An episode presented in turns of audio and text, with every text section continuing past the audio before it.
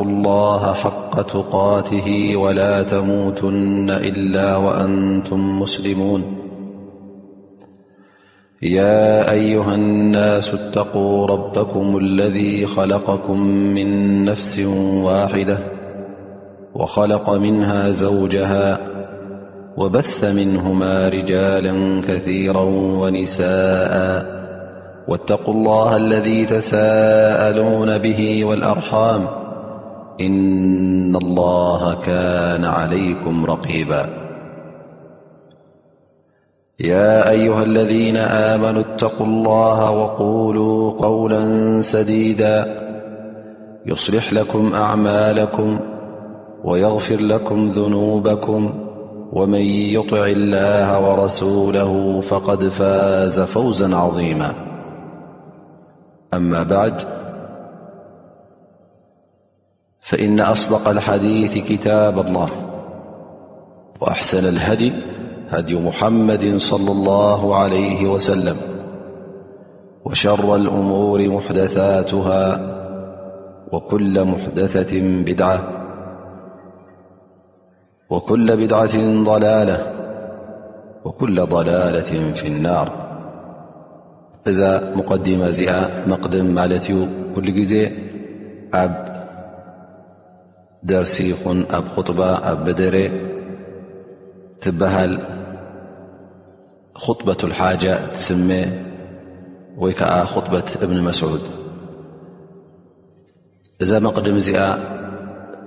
ኩሉ ግዜ ተደጋጊማ እቲ ትሕዝቶናታ ውን ዝያዳ ክበርሃልና እንሻ ላ ነዛ መቕድም እዚኣ ክንትርጉማ ኢና ማለት እዩ እነ ልሓምደ ልላህ መጀመርያ ብምንታይ ትጅምር ኣላ ማለት እዩ ብምስጋና ብርግፅ ኩሉ ምስጋና ንሓደ ኣላ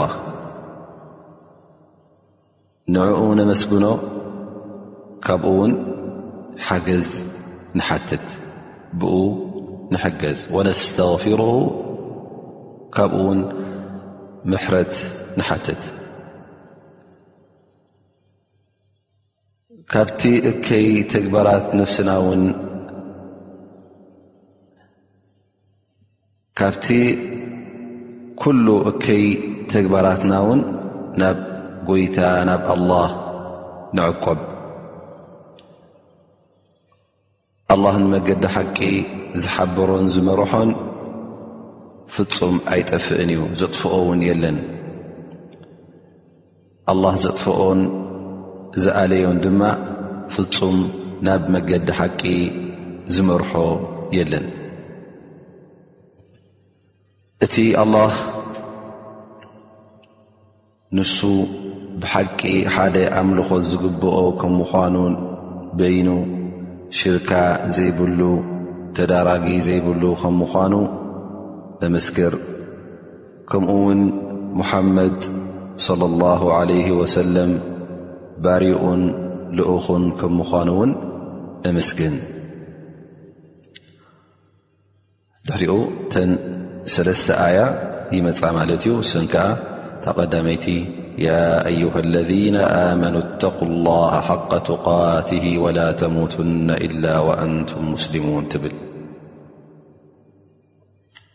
ማለት ኦ ኣንቱም ዝኣመንኩም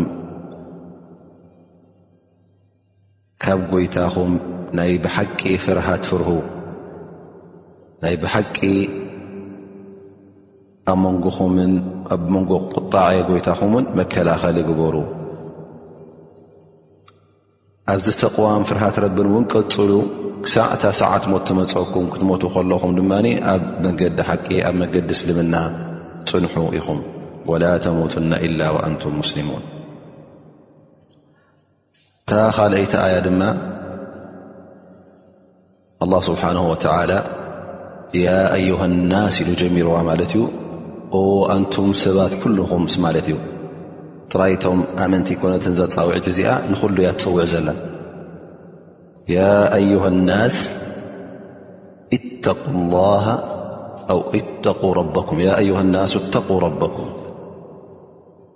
ጎይታኹም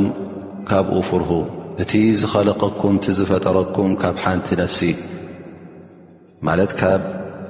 ኩላህና ካብ መና ካብ ኣደም ዓለ ሰላም ካብ ሓንቲ ነፍሲ ተኸሊቕና ወኸለቀ ምንሃ ዘውጀሃ ካብዛ ነፍሲ እዚኣ እውን እታ ፅምዳ ዝኸለቀላ ዘውጅ ማለት ፅምዲ ማለት እዩ ካልኣይካ ማለት እዩ ንኣደም ዓለ ሰላም ካብ ጎኑ ካብኡ ሰበይቱ ፈጢሩሉ ማለት እዩ ብድሕሪኡ ወበث ምንهማ ርጃላ ከራ ወኒሳء ብድሕሪኦም ድማ ዘርኢ ሰብኡትን ደቂ ኣንስትዮን ደቂ ተባዕትዮን ተወሊዱ ማለት እዩ ላ ስብሓን ወተላ እቲ ዝኸለቀኩም ጎይታኹም ንዕኡ ፍርህዎ ካብኡ ተጠንቀቑ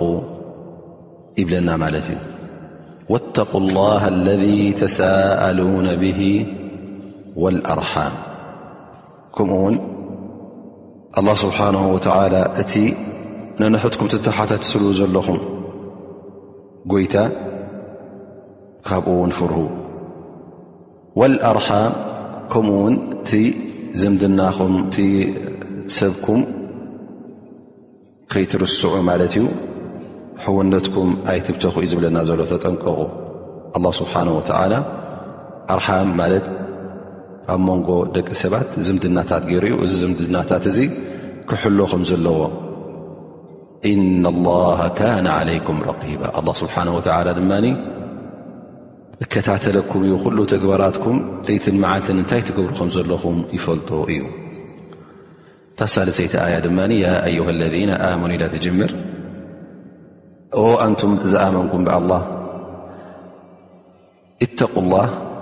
ካብ ጎይታኹም ፍርሁ ካብኡ ተጠንቀቑ ኣብ መንጎ ቁጣ ኣላህን ኣብ መንጎ ኹምን መከላኸሊ ዋልታ ግበሩ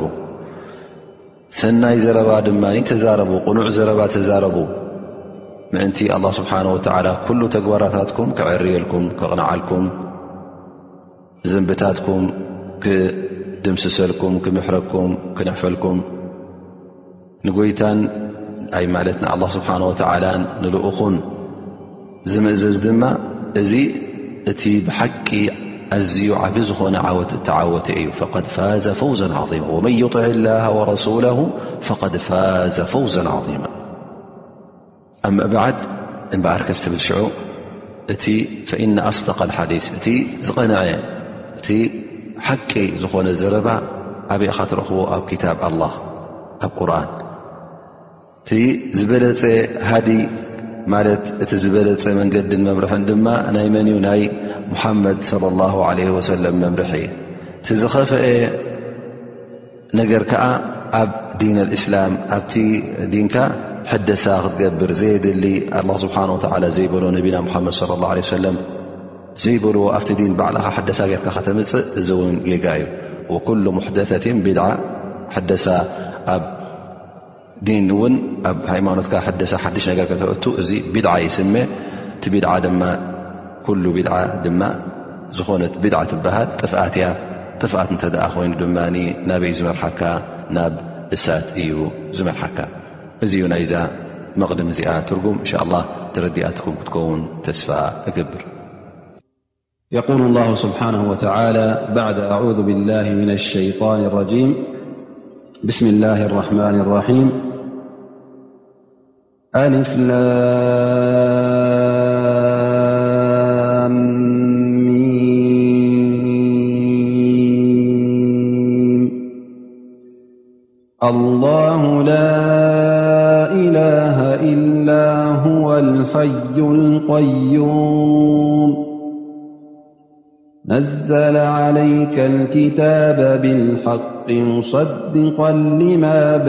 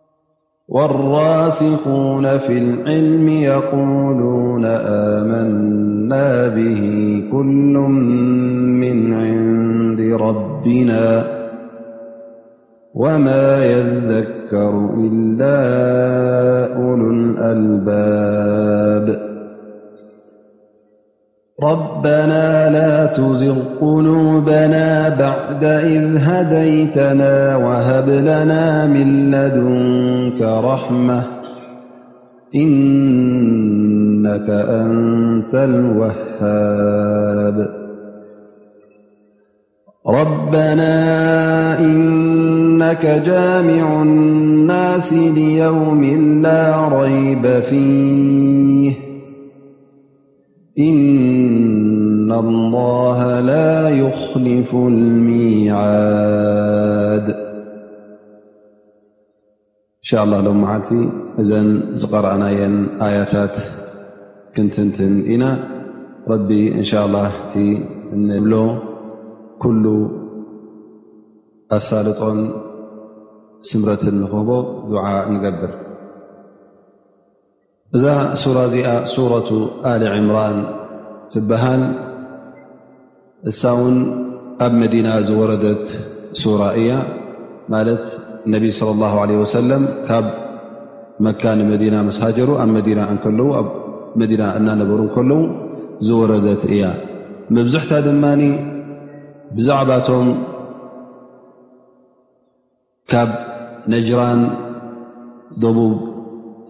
ናይ ጀዚራ ዓረብያ ማለት ብደቡብ ዝመፁ ነይሮም ማለት እዩ ኣብ ግዜ ነቢና ሙሓመድ ለ ላ ለ ወሰለም ክርስትያን እዮም ነይሮም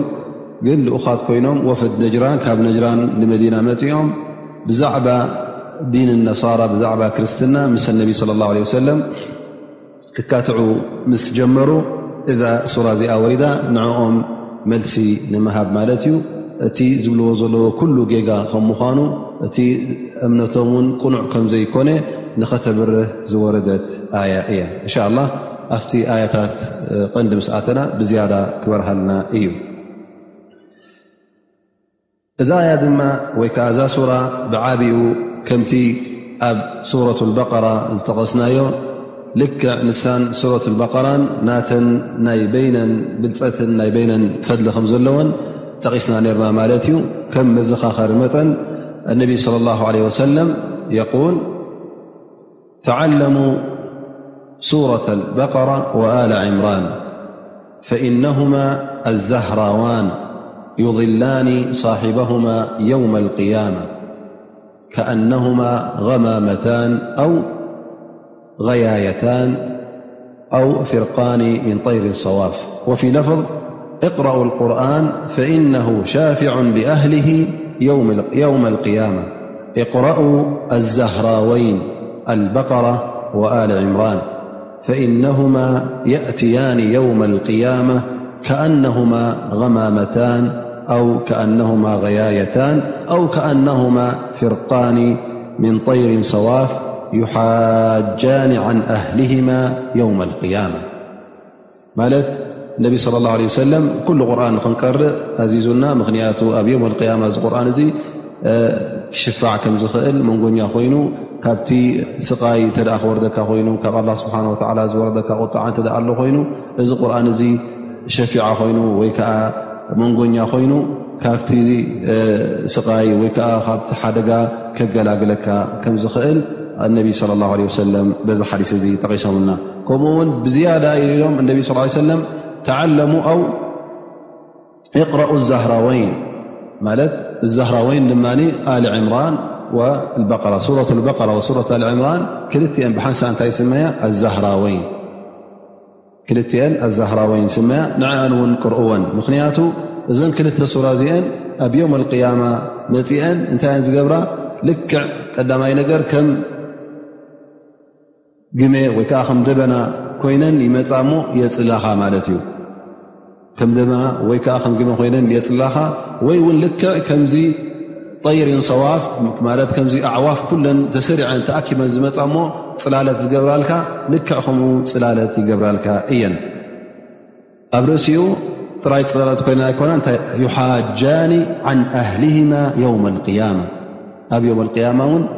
ኣብ ክንዳኻ ይካትዓ ማለት እዩ እተ ኣብ ኣዱንያ ኮይንካ ትሓፍዘን ትቐርአን እተ ነርካ ኮይንካ ኣንታ ረቢ እዚ ሰብ እዙ ንዓና ክቐርኣናን ንዓና ክሓፍዘናን ግዜ ነዊሕ ኣሕሊፉ እዩ እሞኒ እዚ ሰብ እዚ ብዓል ኢማን ስለ ዝኾነ ቁርን ፈቱ ስለ ዝነበረ ንዓና ይቐርእ ስለ ዝነበረ ኢለን ኩማጎታልካ ይጀምበራ እሞኒ ብሰንከን እውን ካብቲ ገለገሊ ሓደጋታት ዘጓንፈካ ናፃ ትኸውን ማለት እዩ ስለዚ ሱረት በቃራ ኣል ዕምራን ነተን ብልፀት ከምዚ ዝኣመሰለ እዩ ማለት እዩ እዚ ከዓ እንታይ ዘርእየና ዘሎ እቲ ቁርን ብኩሉ ከምታ ኣነቢ ስ ሰለም ዝበልዋ እቅራኡ ቁርን ብሓፈሽኡ ኩሉ ቁርን ፈኢነ ሻፊዑን ኣህሊ የውም ያማ ኩሉ ቁርን ትቕሮ እተ ኮንካ ዝበለፀ ብዝያዳ ሸፊ እተ ኩሉ ዘይተርክበሉ ኮንካ እተ ክእለት ዘይብልካ ኮይኑውን ሓደ ክልተ ሰለስተ ሱራ ተሓፍዝ እተ ኮንካ እተን ብዝያዳ ኣላ ስብሓን ወላ ብልፀት ዝሃበን ሱራታት ንዓን ክትሓፍዝ ከለኻ ን ከተፅንዕ ከለኻ ንሰን ኣብ ልበኻ ኩሉ ግዜ ክፀንሓ ከለዋ ኣብ እእምሮኻ ኩሉ ግዜ ክፀንሓ ከለዋ ኣብ ዮም ኣልቅያማ ሸፊዓ ከም ዝኾናኻ ይሕብረና ኣሎ ማለት እዩ ነቢ ለ ላ ለ ወሰለም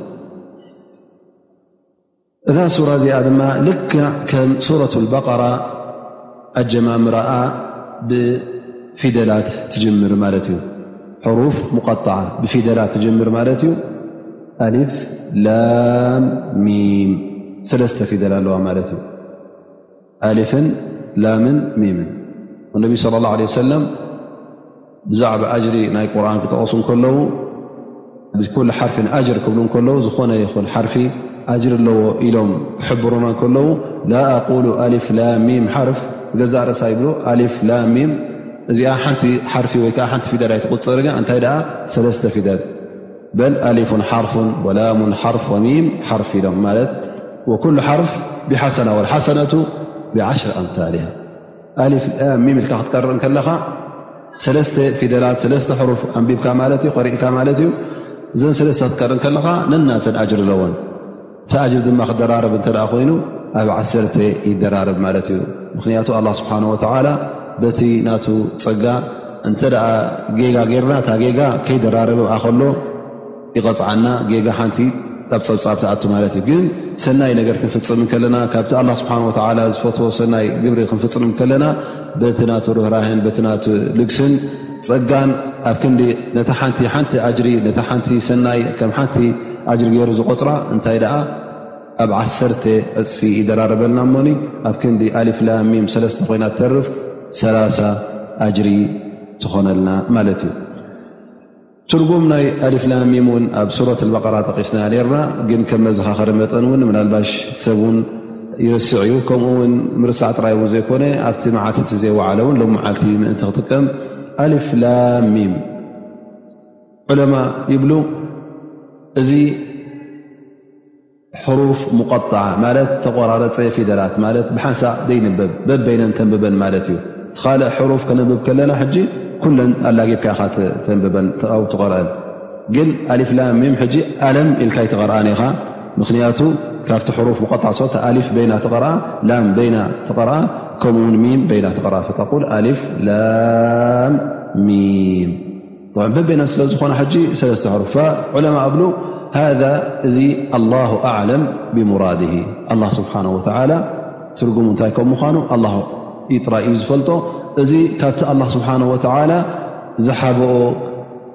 غይቢ ገይሩ ካባና ዝሰተሮ ዕልሚ እዩ ምመ ስተእተረ ላ ስብሓን ወተላ ብዕልሚ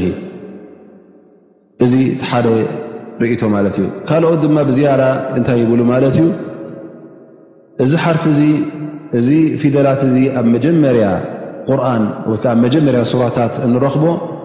ኣላ ስብሓን ወተላ ኣምፅዎ ዘሎ ነቶም ዓረብ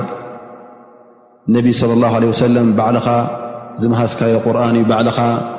ዘምፃእካዮ እዩ ወሓይ ካብ ኣላ ስብሓን ወተላ ኣይወረደን ዝሉ ዝነበሩ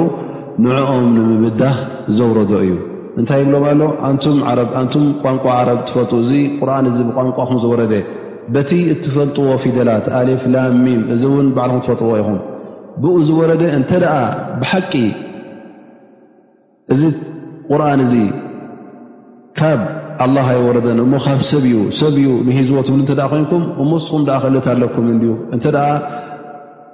ብሰብ ተማህዘ እተ ኮይኑ እስኹም ውን ከምኡ ዝኣመሰለ ክተምፅኡ ትኽእሉ ኢኹም ማለት እዩ ስለዚ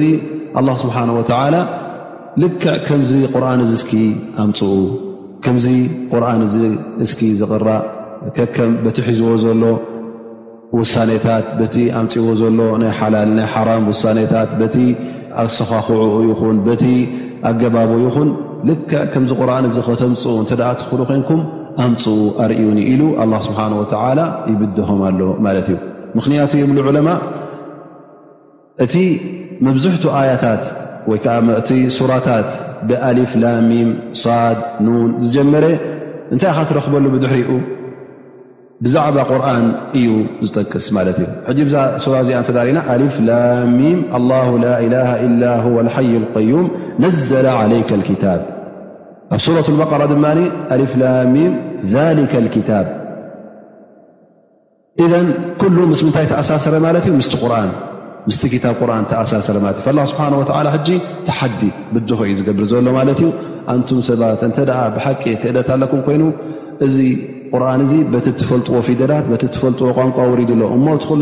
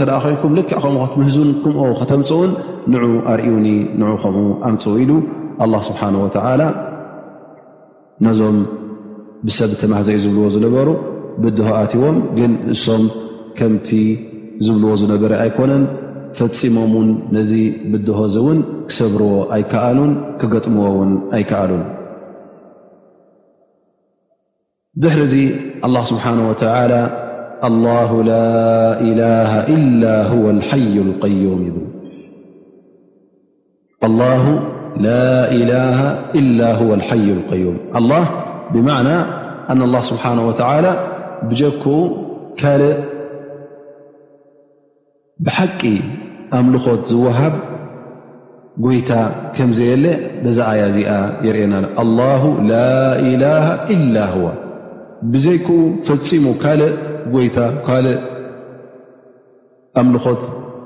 ዝወሃብ ኣምልኾት ዝግብኦ ነገር የለን ምኽንያቱ ኣላ ስብሓን ወተላ እሱ እቲ ሓይ ሕጂ እንታይ ዘምፀልካ ዘሎ እቲ ቐንዲ ቐንድታት ናይ ኣላ ስብሓን ወላ ኣላ ላኢላሃ ኢላ ዋ ኣልሓይ ቀዩም ኣልሓይ በዓል ህይወት ማለት እዩ እሱ ንገዛእ ርእሱ ንገዛእ ነብሱ ህየተኛ ኮይኑ ንኻልእ እውን ህየት ዝህብ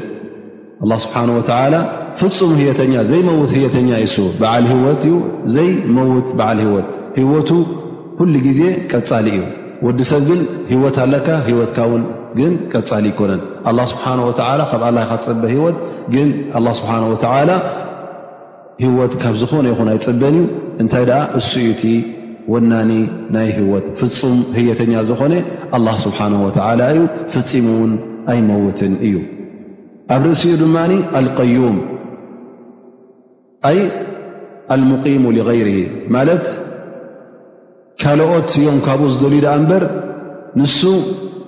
ካብ ካልእ ዝደልዮ ነገር የብሉን ንዕኡ ዝኣልዮን ንኡ ዝሕግዞን ንኡ ዝድግፎን ፈፂሙ ኣየድልዮን እዩ ስለዚ ኩሉ ፍጡር ካብ ኣላ ስብሓን ወላ ዩ ጥራይ ዝፅበ ኣብ ቅድሚ ኣላ ስብሓን ወላ ኩሉ ፍጡር ድኻ እዩ ካብ ኣላ ስብሓን ወላ ጥራይ እዩ ዝደሊ ፍጡር ኩሉ ግዜ ደላይ እዩ ኣላ ስብሓን ወላ ግን ሃብታም እዩ ካብ ፍጡር ፈፂሙ ዝደልዮ ነገር የለን ካብ ፍጡር ፈፂሙ ዝደልዮ ሓገዝ የለን ካብ ፍጡር ፈፂሙ ዝደልዮ ማእለያ የለን ኣላ ስብሓን ወተዓላ ሙሉእ ዘይጉድል ስለ ዝኾነ ግዴታ እሱ እዩ እቲ መግዛእቲ ክወሃቦ ዝግባእ ፍፁምን እኹልን ሙሉእን ስለ ዝኾነ ኣላ ስብሓን ወተዓላ ግን ወዲ ሰብ ኩሉ ፍጡር እኹልን ሙሉእን ስለ ዘይኮነ ንመን እዩ ዝግባእ ነቲ ሙሉእን እኹልን እንታይ ትህቦ ማለት እዩ እቲ ዝግብኦ ኣምልኾት ትህቦ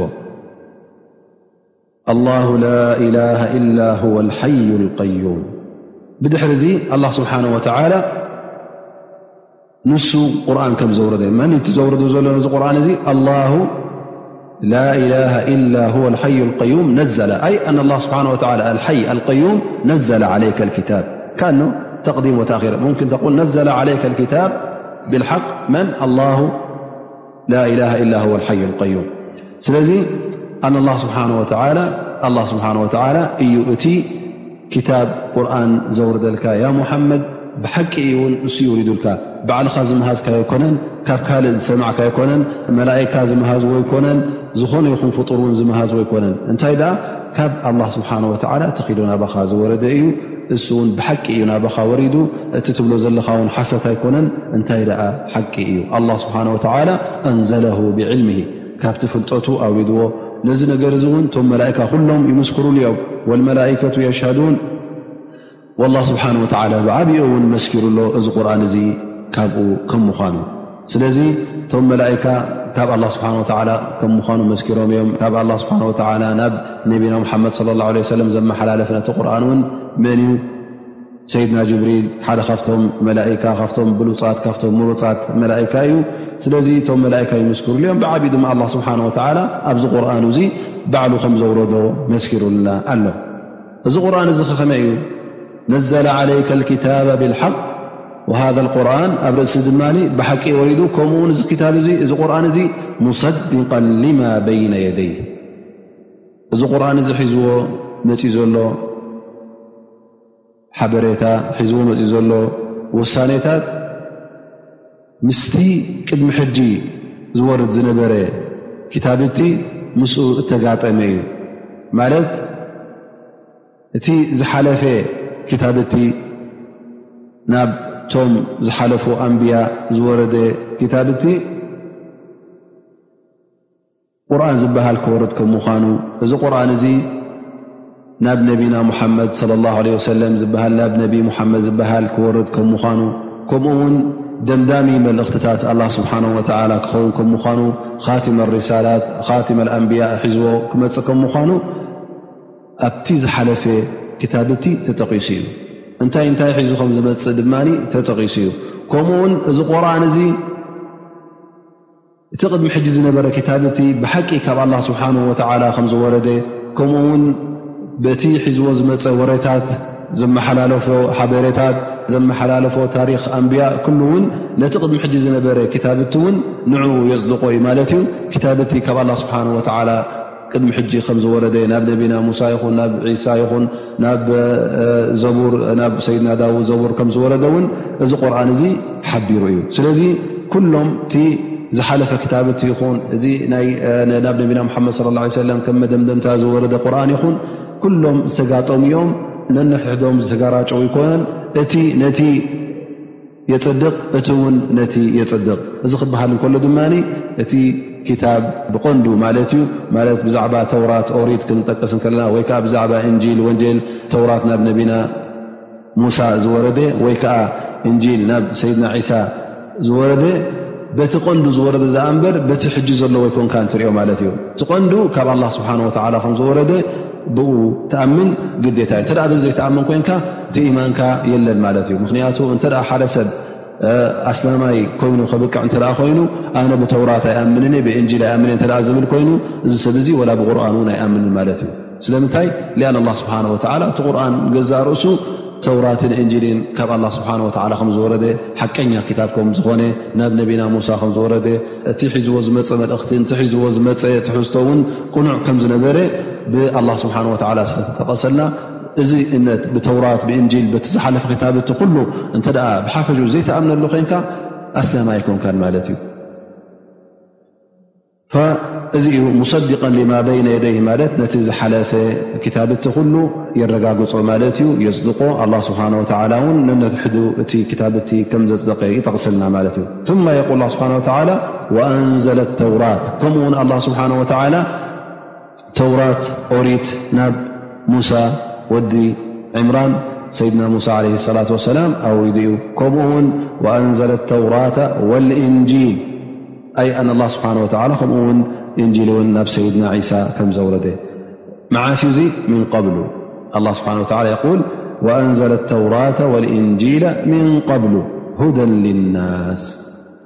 ማለት ቅድሚ ቁርን ኣላ ስብሓን ወተላ ተውራትን እንጅሊን ማለት ኦሪትን ወንጌልን ኣላ ስብሓን ወተላ ኣውሪዱ እዩ እሱ እውን ምእንቲ ምንታይ ወሪዱ ሁደን ልናስ ደቂ ሰብ መገዲ ሓቂ ክብርሃሎም እዚ ግን ከምቲ ዝበለ ኣብቲ ግዜ እዩ ነይሩ ማለት እዩ በዚ ሎሚ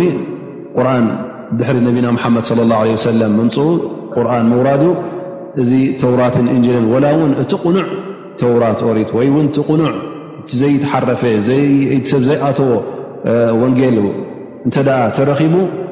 በዚ ክታብ እዚ ንክትከይድ ሕጂ ይፍቀደካ ዩ ወላ ውን ካብ ኣላ ስብሓ ወ ይውረዳ እምበር ምክንያቱ በቲ ናብ ነቢና ሓመድ ስ ሰለም ዝወረደ ቁርን ስለተሰረዘ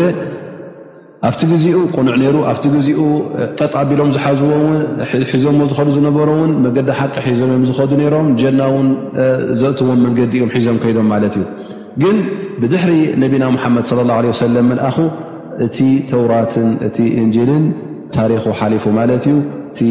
ሓቀኛ መልእኽቲ እቲ ቕኑዕ መልእኽቲ ሒዝካ ክትከይድ ዘለካ ቁርን ይኸውን ማለት እዩ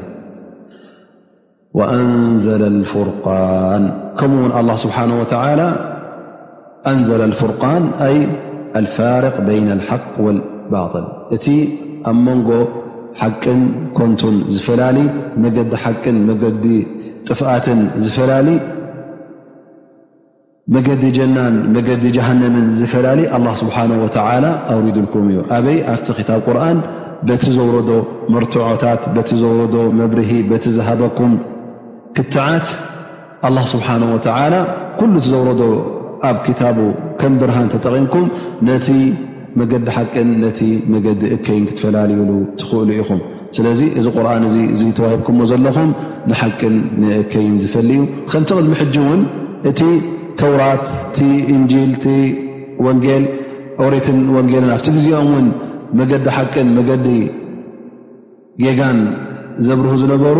ሕጂ እቲ መጨረሻ ካብ ኣላ ስብሓን ወላ ዝወረደ ክታብ ክታብ ቁርን እዩ እሱኡ ድማ ሕጂ መገዲ ሓቅን መገዲ ብርሃንን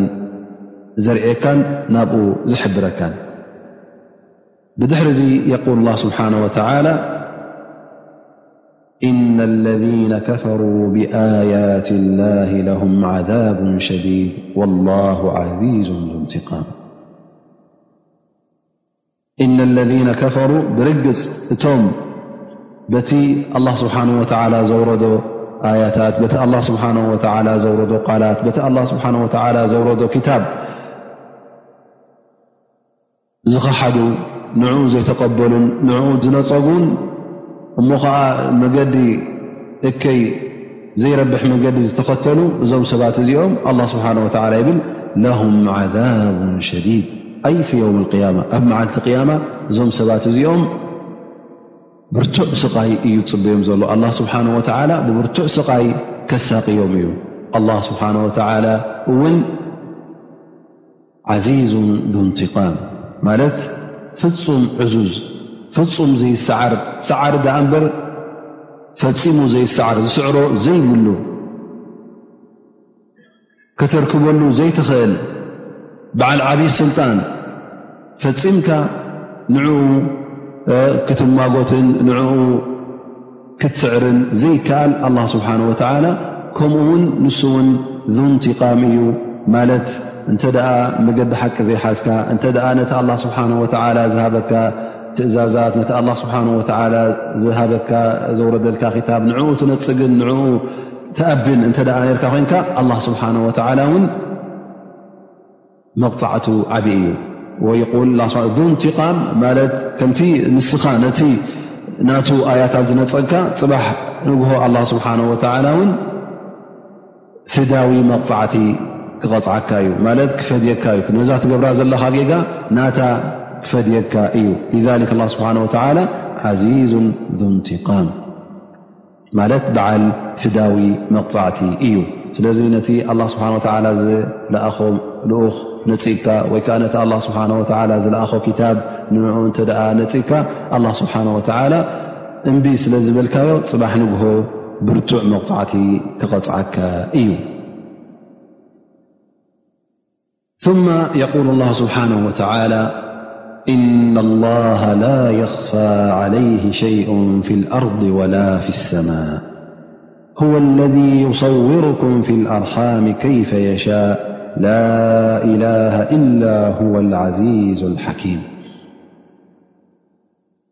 ትርኢ ኣለኹም ኩሉ ኣብዛ ዝሓለፈት ሱራ እቲ ኣጀማምራን ኣተኣታተዋን እንታይ እዩ ብዝያዳ ኣፅኒዑ ከብርሃልና ዝደሊ ዘሎ ብዝያዳ ኣላ ስብሓን ወተላ ደጋጊሙ ዝጠቕሶ ዘሎ ኣላ ስብሓን ወተላ ንሱ በዓል ፍፁም ክእለት ከም ምኳኑ ብዘይክኡ ውን ካልእ ጎይታ ከምዘየለ ብዘይክኡ ውን ኣምልኾት ንካልእ ክወሃብ ከምዘይግባእ ምክንያቱ እዛ ሱራ እዚኣ ከምዝበልናያ መብዝሕታ ዳርጋ ሰማእ ካብ ሰማንያ ኣያ ንላዕሊ ዝኸውን ኣብ ምንታይ ኣወሪዳ ነቶም ክርስትያን ንዕኦም ንክትምልስ እያ ወሪዳ እሞ ተቐንዲ ጌጋ ኣብ ክርስትና ዘሎ እንታይ እዩ ንሰይድና ዒሳ ከም ወዲ ኣምላኽ ወይ ከዓ ከም ወዲ ጎይታ ወይ ከዓ ከም ልክዕቲ ናይ ንጎይታ ንኣላ ስብሓን ወተዓላ ዝወሃብ ኣምልኾት ንዕኡ ስለ ዝብዎ ንኣላህን ንዒሳ ወይ ከዓ ንየሱስን ዝብዎ ኩሉ ሓደ ስለ ዝኾነ ነዚ ጉዳይ እዚ ኣላ ስብሓን ወላ ክነፅግ ስለ ዝደለየ እሞ ከዓ ዒሳ የሱስ ማለት ወዲ ኣምላኽ ኣይኮነ ወይ ከዓ ውን ኣምላኽ ውን ኣይኮነን ዝብል ነዚ ከም ዝኣመሰለ ርእቶታት ንዕኡ ክነፅግ ስለ ዝኾነ ኣላ ስብሓን ወላ ኣብዚ ኣያታት እዚ ብዝያዳ ናበይ የረጋግፅ ኣሎ እን ኣላ ስብሓን ወላ ንሱ ኩሉ ነገራት ይፈልጥ ከም ምዃኑ ናይ ፍፁም ክእለት ከም ዘለዎ ብጀክኡ እውን ካልእ ዕዙዝ ከም ዘየለ ብጀካ ውን ካልእ በዓል ክእለት ከም ዘየለ ኩሉ እቲ ናይ ኣምልኾት መግለፂ ናይ ኣምልኾት ቅፅላት ንመን እዩ ንኣላ ስብሓን ወተላ እዩ ከም ዝወሃብ ንሱ እውን ከም ዝውንን ኣላ ስብሓን ወተላ ናብኡዩ ዘረጋግፀልና ዘሎ ማለት እዩ ኣብዚ ኣያ እዚኣ እንታይ ንረክብ እና ላሃ ላ የኽፋ ዓለይህ ሸይ ፊ ልኣርض ወላ ፊ ሰማ ኣላ ስብሓን ወተላ ኩሉ ስቱር ነገራት ሕብኡ ነገራት ዘብኡ ዝረአን ዘይረአን ኣላ ስብሓን ወተዓላ ካብኡ ዝሕባእ የለን ኩሉ ነገራት ኣላ ስብሓን ወተዓላ ኣብዛ ሰማይን ኣብ መሬትን ዘሎ ኣብ ኩሉ ዝፍጡር ዘሎ ኣላ ስብሓን ወተዓላ ይፈልጦ እዩ ካብኡ ዝሕባእ ነገር የለን ተግባር ይኹን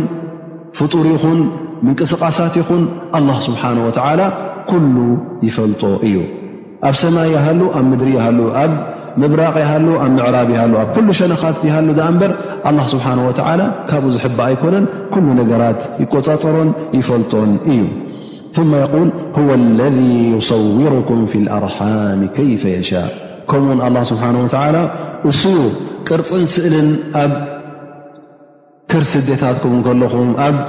ማህፀናት እንከለኹም ኣላ ስብሓን ወተዓላ ንሱ ዩ ከም ድላዩ ዝቐርፀኩም ንሱ ዩ ኣላ ስብሓን ወተዓላ ከም ዝላዩ ዝስእለኩም ንዝደለዮ ፅቡቕ ገይሩ የውፅኦ ንደለ ቀይሕ ገይሩ ንደለ ፀሊም ኣብ ርእሲኡ እውን ተባዕታይ ወይ ጓይል ንሰይቲ ይገብረካ ወይ እውን ከምኡ እንታይ ኢኻ ኣብዛ ዱንያ ትገብር እንታይ እዩ ዝፀንሓ ካብዛ ዱንያ ኣብ ዮም ኣልቅያማ ከ ካብቶም ስዑዳት ካብቶም ሰብሰናይ ዲኻ ወይስ ካብቶም ቅርሱሳት ወይ ከዓ ካብቶም ድሱታት ዲኻ እዚ ኩሉ ነገራት ኣላ ስብሓን ወተዓላ ገና ኣብቲ ኸርሲ ድኻ ከለኻ ይፈልጦ ዩ እሱ ዝቐደሮን እሱ ዝኸተቦን እሱ ዝፀሓፎን እዩ ኣብ ርእሴኻ ዝኸይድ ማለት እዩ ስለዚ ኣላ ስብሓን ወተዓላ ገና ኣንታ ወዲ ሰብ ኣብ ከርሲ ድኻ ከለኻ ንሱ እዩ ከምድላዩ ገይሩ ይስእለካን ከምድላዩ ገይሩ ይቐርፀካን ላኢላሃ ኢላ ሁወ ዓዚዙ ሓኪም ብጀክኡ ካልእ ጎይታ የለን ብጀክኡ እውን ከም ድላዩ ገይሩ ዝኸልቕ የለን ፈላ ኢላሃ ኢላ ንሱ ዩ እቲ ሓደ ጎይታ ንሱ ዩ እቲ ሓደ ኢላ ንሱ ዩ እቲ ሓደ ኣምልኾት ዝግብኦ ብጀክኡ ካልእ ኣምልኾት ዝወሃብ እንተ ደኣ ኣሎ ኮይኑ ኮንቱ ዝኾነ ኣምልኾት እዩ ዝወስድ ዘሎ ናይ ብሓቂ ኣይኮነን ኣለዉ ገለገለ ሰባት ከኣ ካብ እስልምና ዝወፁ እተ ኮይኖም ነቲ ኣምልኾት ወይ ንዒሳ ይህብዎ ወይ ከዓ ንመርየም ይህብዋ ወይ ውን ንእምኒ ወይ ውን ንስእሊ ወይ ውን ንገረብ ወይ ውን ንሰብ ን ወይ ውን ንሸይጣን ይህቡ ማለት እዩ እዚ ኩሉ ዝወሃብ ዘሎ ኣምልኾት ግን ኮንቱ ዝኾነ ኣምልኾ ዳኣ እምበር ሓቀኛ ኣምልኾ ኣይኮነን እቲ ሓቀኛ ኣምልኾ ዝወሃብ ሓቀኛ መገዲ ዝመን እዩ ንኣላህ ስብሓን ወተላ እዩ ካብኡ ክሓልፍ ውን የብሉን ላኢላሃ ኢላ ሁወ ዓዚዙ ሓኪም ንሱ እውን ፍፁም ዕዙዝ እዩ ንሱ እውን ፍፁም ጥበበኛ እዩ ኣልሓኪም ኩሉ ተግባራት ኣላ ስብሓን ወተዓላ ዝገብሮ ብሕክማ እዩ ዝገብሮ ብጥበብ እዩ ዝገብሮ ንሓደ ሰብ ክኸልቕ እተ ኮይኑ ንሓደ ሰብ ከምውት እተ ኮይኑ ንገለ ክፈጥር እተ ኮይኑ ንገለ ክብርስ እተ ኮይኑ ኣላ ስብሓን ወላ ክገብሮ ከሎ ገለ ጥበብ ርኡሉ ድኣ እምበር ንኽፃወት ኢሉ ኣይገበሮን ንኩላና ንወዲ ሰብ ንጋኒን ንሰይጣን ንኩሉ ክፈጥር እከሎ ኣላ ስብሓን ወላ ንምንታይ ዩ ኸሊቁዎ ንሕክማ ዩ ኸሊቁዎ ታቐንዲ ሕክማ ታቐንዲ ጥበብ ድማ ንዒባደት ማለት ንኣላ ስብሓን ወላ ንክንግዛእ ስለዚ ኣላ ስብሓን ወተላ ዝገብሮ ተግባራት ኩሉ ምስ ሕክማ ማለት ምስ ጥበብ እተኣሳሰረ እዩ ስለዚ እቲ ዝገብሮ ዘሎ ፀወት ኣይኮነን ቀልዲ ኣይኮነን እዛ ኣያ እዚኣ ይብሉ ዑለማ ኣላ ስብሓን ወተላ ወ ለذ ዩሰውሩኩም ፊ ኣርሓም በዚ ጀሚሮ ማለት እዩ እንታይ እዩ ዝህብ ዘሎ ሕጂ ምልክት ይህብ ኣሎ ማለት እዩ ንመን ነቶም ክርስትያን እንታይ ይብሎም ኣሎ ኣላህ ስብሓን ወተዓላ ንደቂ ሰብ ኣብ ከርሲ ኣዴታቶም ኣብ ማህፀን ኣዴታቶም እንከለዉ ከም ድላዩ ዝቐርፆምን ከም ዝላዩ ዝኸልቆምን ንሱ እዩ እቲ ዒሳ እውን ካበይ ወፅኡ ካብ ከርሲ ዲኡ ካብ ማህፀን ኣዲኡ እንዲኡ ወፅኡ እሞ ኣብ ከርሲ ዲኡ ወይከዓ ማህፀን ኣዲኡ እንከሎ መን እዩ ስኢልዎ መን እዩ ቅርፂ ውፅእሉ መን እዩ ኣካል ሂብዎ መን እዩ ኢድን እግርን ኩሉ እዚ ዝሃቦ እንተ ብሓቂ እተ ስዋ ጎይታ ኮይኑስ ከመይ ገይሩ ነታ ኣብ ከርሲ ጓል ንሰይቲ ኣትዩ ከመይ ካበይ ገይሩ ከ ኣምፅዎ ግን እቲ ብሓቂ ነዚ ጉዳይ እዚ ዝፍፅም መን እዩ ኣላ ስብሓን ወላ ጥራዩ እሞ እቲ ካብ ከርሲ ጓል ኣንስተይቲ ዝወፅእ ፍጡር እዩ ደኣ እምበር ፈጣሪ ኣይኮነን እቲ ፈጣሪ ንሱ እዩ ኣብ ከርሲደ ንዓኻ ፈጢሩ ንዓኻ ኣብቲ ከርሲደኻ ከለኻ ንዝኾነ ይኹን ፍጡር ቅርፅኻን መልክዕካን ስእልኻን ኣውፅኡ ኣላ ስብሓን ወላ እቲ ፈጣሪ ይፈጥረካ ማለት እዩ እሞ እቲ ካብ ከርሲ ጓል ኣንስተይቲ ካብ ከርሲደ ዝወፅእ ፍጡር ዩ ደኣ እምበር ፈጣሪ ኣይኮነን ስለዚ የኽልቁኩም ፊ ቡጡኒ እመሃትኩም ኸልቀ ምን ባዕዲ ኸልቅ ፊ ظሉማት ላ ኣላ ስብሓን ወላ ደቂ ሰብ ክፈልቆም ከሎ ኣብ ከብዲ ዴታቶም ወይከዓ ኣብቲ ማህፀና ዴታቶም እንታይ እዩ ግዜ ይውን ዝወስድ ብሓንቲ መዓልቲ ኮነት እንትውዳእታ ጉዳይ ኸልቀ ምን ባዕዲ ኸልቅ ካብ መድረኽ ናብ መድረኽ ኢኻ ትሓልፍ ማለት እዩ እሞ መን እዙ ካብ መድረኽ ናብ መድረኽ ዘመሓላልፈካ ዘሎ መጀመርያ ከም ፈሳሲ ነርካ ብድሕሪኡ ከም ስጋ ተለዊጥካ ከምኡ ውን ዓፅሚ ኮንካ ደም መፅኡካ እዳው ተገይሩካ እሞ ኩሉ ኣከላትካ ተመላሊኡ እዚ ዝሓለፍካዮ ኩሉ መድረኻት መን እዩ ዘመሓላልፈካ ነይሩ እቲ ፈጣሪ እቲ ኣላ ስብሓን ወተዓላ እሞ ኣብ ከርሲ ካብ ከርሲ ሰብ ዝወፅእ ካብ ከርሲ ፍጡር ዝወፅእ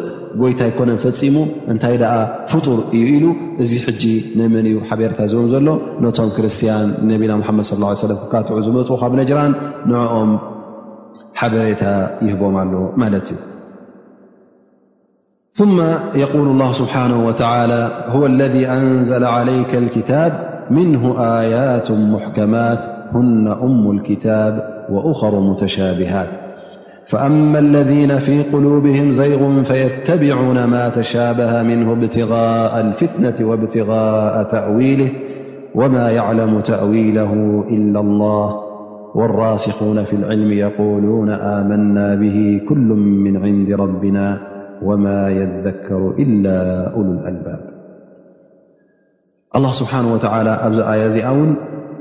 ንሱ ነቲ ቁርን ከም ዘውረደ ይጠቅስ ማለት እዩ ሆወ ለذ ኣንዘለ ዓለይከ ልክታብ ኣያ ሙሓመድ ኣንታ ሙሓመድ እዚ ቁርን እዚ እዚ ክታብ እዚ እዚ መፅሓፍ እዚ መን እዩ ኣውሪዱልካ ኣላ ስብሓን ወተላ ኣውሪዱልካ ግን እዚ ክታብ እዚ ከውርዶ ከሎ ኣላ ስብሓን ወተላ ክልተ ዓይነት ዝሓዘለ ክታብ ገይሮ ምንሁ ኣያት ሙሕከማት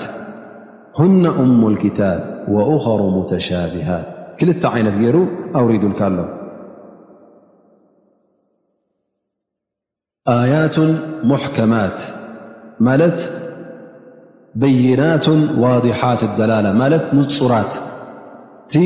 ሒዘንኦ ወይ ሓዚለንኦ ዘለዋ ትርጉም ንፁር ትርጉም እዩ ክልተ ዓይነት ትርጉም ክትበሉ ዘይትኽእል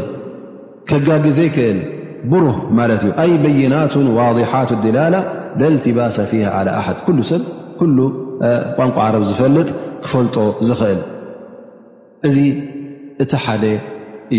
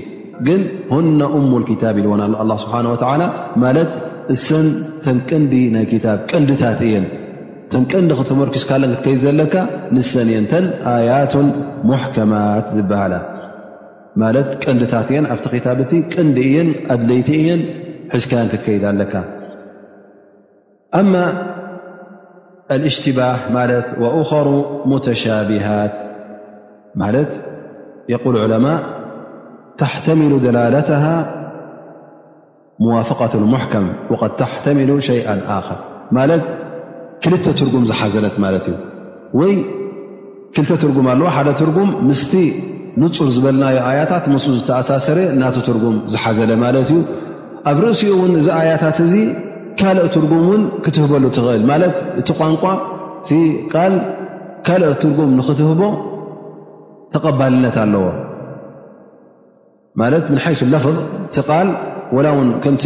ሓ ኣብ ትግርኛ ክትዛረብ ከለኻ ይብሉኻ ዘረባ ኣብ ዝደለኻዮ ክትወስዶ ትኽእል ኢኻ ሓደ ሓደ ግዜ እቲ ቃል እቲ ዘረባ ክልተ ዓይነት ትርጉም ሰለስተ ዓይነት ትርጉም ክትበሉ ትኽእል ኢኻ እተ ክተፃፍዖ ደሊኻ ማለት እዩ ስለዚ ኣሎ ገለገለ ቃላት ኣብቲ ቁርን ዝወረደ ኣያታት እውን ክልተ ትርጉም ሰለስተ ዓይነት ትርጉም ሒዙ ክኸይድ ዝኽእል የቁል ዑለማ እንታይ እቲ ሙሕከማት ዝተባህለ የቁሉን ኣልሙሕከማት ምን ኣልቁርን ናሲክ ማለት እቲ ሰራዚ ነቲ ገለገለ ኣያታት ኣሎ ንሕና ሕጂ ኣብ ሱረት በቀራ እውን ርኢናያ ነርና ማለት እዩ እዛ ኣያ እዚኣ በዛ ኣያ እዚኣ ተሰሪዛ ኢልና ንጠቅስ ነርና ማለት እዩ ማለት ሓንቲ ኣያ ኣላ ስብሓን ወተላ ኣብ መጀመርያ ውሪድዋ ኸውን ምስቲ ኩነታት ትሰማማዕ ብድሕሪኡ ግን ኣላ ስብሓን ወተዓላ ነዛ ኣያ እዚኣ ይስርዛ ማለት እዩ ብምንታይ ካልእ ኣያ ውሪዱ ካብኣ ዝሓሸት ንትበልፅን ኢሉ ኣላ ስብሓን ወተዓላ ንመዋእልካ ውን ክተኺደካ እትኽእል ክሳዕ ዮም ኣልቅያማ ትፀንሕ ትኽእል ነቲ ግዜያዊ ወይ ከዓ ነቲ ንግዜ ተዋሂቡ ነበረ ፈውሲ ንዕኡ ሰሪዙ ኣላ ስብሓን ወተዓላ መዋእላዊ ዝሓዘ ፍርዲ ውሳኔ ኣላ ስብሓን ወተዓላ የውርድ ማለት እዩ ሕጂ እዚ እንታይ እዩ እቲ ሰራዚ ወይ ከዓ ናስኽ ይበሃል እዚ ሕጂ ካብቲ ሙሕከም ማለት እዩ እዚ ሰራዚ እዚ ሙሕከም ማለት ንፁር እዩ ማለት ነቲ ተሰረዘ ንዕኡ ሰሪዝዎ እዩ እሞ ከዓ እቲ እተሰረዘ ሙተሻቢህ ኮይኑ ይቁፀር ማለት እዩ ምክንያቱ እቲ ተሰረዘ ካብ ኣላ ስብሓን ወተላ ከም ዝወረደ ተኣምነሉ ኢኻ ግን ብኡ ተግባር ኣይትገብርን ኢኻ በየን ኢኻ ትገብር በቲ ናስኽ ተባህለ በቲ ሰራዚ በቲ መጨረሻ ዝወረደ እዘን ኣልሙሕከማት እቲ ንፁር ዝተባህለ ካብቲ ንፁር ሓደ ናስኽ ቁርን ወሓላል ወሓራሙ ኣሎ ድማ ኣብ ቁርን እዚ ሓላል እዚ ሓራም እዚ ፈርዲ እዩ እዚ ዋጅብ እዩ ዝብል ዝወረደ ሕሪመት ዓለይኩም እመሃትኩም ከ ከ ብዛዕባ ናይ ደቂ ኣንስትዮ ተሓረማ ከ ንኣብነት ክውረድ ከሎ እዙ እዚ ሕጂ ንፁር እዩ ካብኡ ክትወፅእ ኣይትኽእልን ኢኻ ማለት ካልእ ትርጉም ክትህቦ እውን ኣይትኽእልን ኢኻ ሒለ ለኩም ለይለ ስያም ረፈብ ላስ ኣ ስብሓ ሒላ ኢዩ ሓላል እዩ ካልእ ትርጉም ክትህቦ ኣይትኽእልን ኢኻ ከም ዝኣመሰለ እዚ ሕጂ ሙሕከም ይበሃል ማለት እዩ ፈልሙሕከማት ወናስክ ወሓላል ወሓራም ወኣሕካሙ እቲ ውሳኔታት ተዋህበ ድማ ኣሎ ወሕዱድ ስብሓ ዝወሰኑ ሕዱድ ኣሎ ማለት ዜና ሓራም ከም ምዃኑ ሓራም ተባሂሉ ማለት እዩ ዜና ዝፈፀመ ሰብ ድማ እንታይ ዓይነት መቕፃዕቲ ክቕፃዕ ከም ዘለዎ ኣላ ስብሓን ወተዓላ ወሲንዎ እዩ ክንደይ መግረፍቲ ክግረፍ ከም ዘሎ እሞ ሕጂ ስኻ ድማ ክትውስኸሉ ክትንክየሉ ኣይትኽእል ኢኻ ብቁፅሪ ስለ ዝተዝወረደ ኣሎ ድማ ንኣብነት ኣብቲ ናይ ሚራስ እዚ ሓደ ስልሴት እዚ ሓደ ርብዒት እዚ ሓደ ፍርቂ ይወርስ ተባሂሉ እስኻ ሕጂ ካብ ፍርቂ ፍርቂ እያ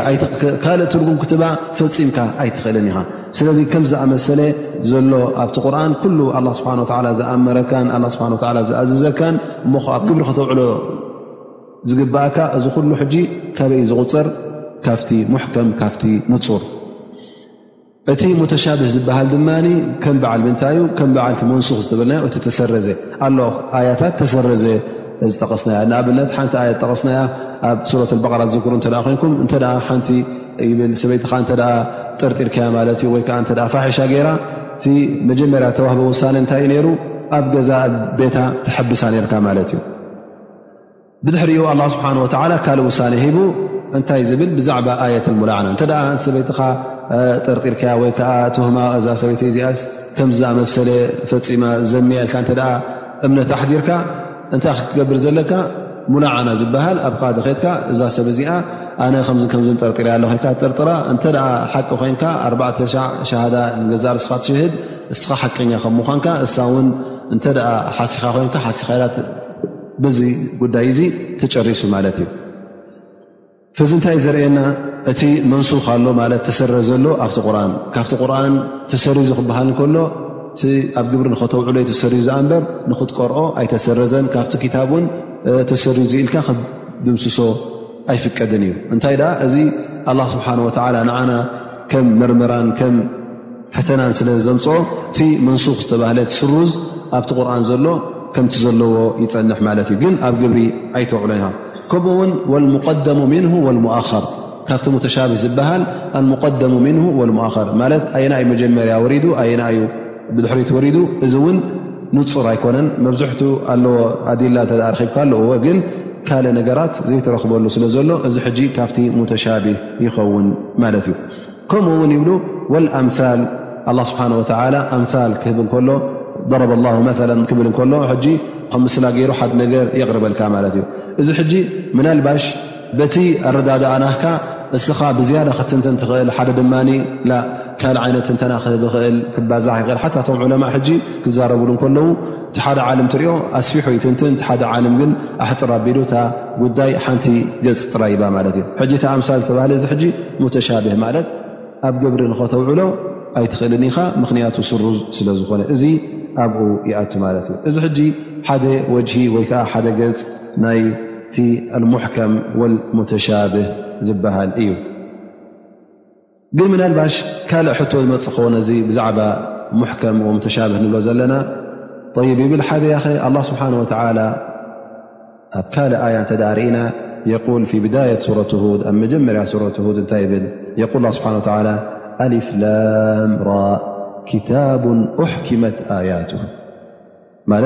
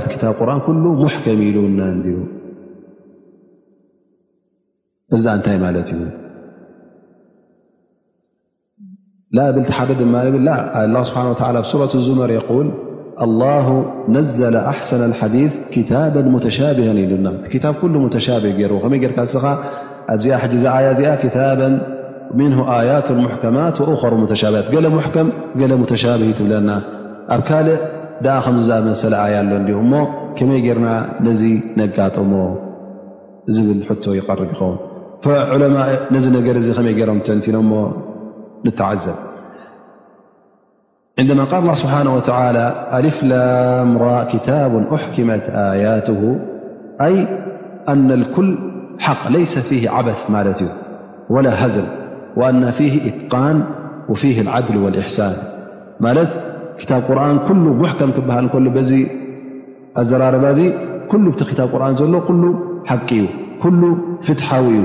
ፀወታ ውን ኣይኮነን ኩሉ ዝወረደ እውን ኣላ ስብሓን ወተላ ንቀልደን ንፀወታ ናይ ኣውረዶን እንታይ ደኣ ንክንኣምነሉ ከም ዘውረደልና እሱ እውን ኩሉ ብደንቢ ተኣሳሰረ ብደንቢ ተሰክዐ ከም ምኳኑ እዚ ዘብር እዩ ኣላ ስብሓን ወተላ ሙሕከም ክብሎ ከሎ እዚ እዩ እቲ መልስናቱ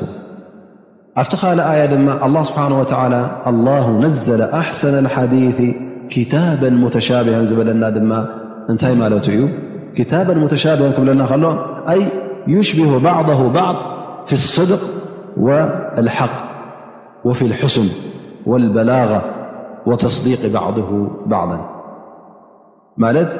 ይብሉ ሙተሻብህ ክበሃል እከሎ ኣ ስብሓ ወላ ነንሕዱ ይመስል ኣብ ምንታይ ኣብቲ ሓቂ ኩሉ ሓቂ ዩ ሓቀኛ መርትዖ ሓቀኛ ትእዛዝ ሓቀኛ ሓበሬታ ዝሓዘ ከምኡ ውን ኣብቲ ስዃኹዓናቱ ውን ኩሉ ተመሳሰለ ዩ እቲ ኣያ ካብቲ ኣያ ትበልፅ ኣብ ኣስዃኹዓኣ እቲ ኣበላቓናታ ኣብቲ ኣፃባብቓ ዘረባ ኣወዳድቓ ዘረባኣ እቲ ትበልፅ እቲ ትበልፅ ክትብል ኣይትኽእልኒኻ ኩሉ ተመሳሰለ እዩ ሓደ እዩ ዝመስል ከምኡ ውን ነንድሕዱ የረጋግፅ ነንሕዱ የፅድቕ ማለት ኣብ መንጎኡ ግርጭት ኣይትረኽበሉን ኢኻ እዚ ማለት ሙተሻቢህ ማለት ኩሉ ከም ሓደ እዩ ተገራጨወ ኣይኮነን እዚ እዩ ኢሎም በዚ ተርጊሞሞ ማለት እዮም ግን እዛ ናይ ሎም መዓልቲ ድማ ናይ ካልእ ዓይነት ኣብ መቃቐል እያ ትመቕለልና ዘላ ማለት እዩ ክታብ ምን ኣያት ሙሕከማት ወእኸሩ ሙተሻቢሃት ዝበሎ በቲ ዝጠቐስናዮ ሓደ ትርጉም ዝሃብዎ ኣለዉ ገለ ዕለማ ድማ ይብሉ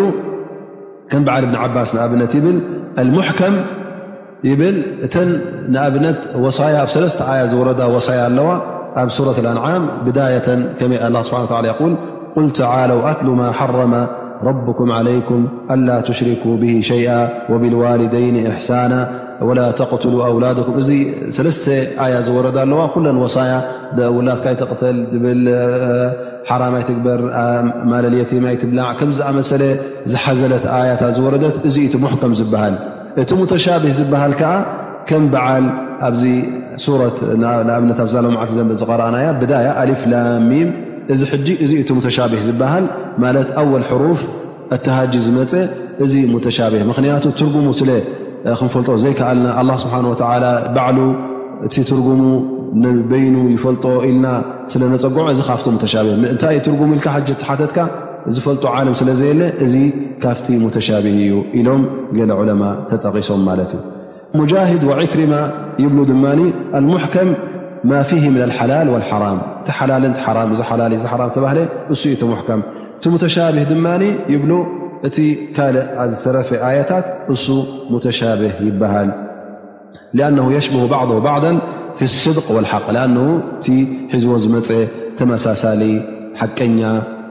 ከምኡ ውን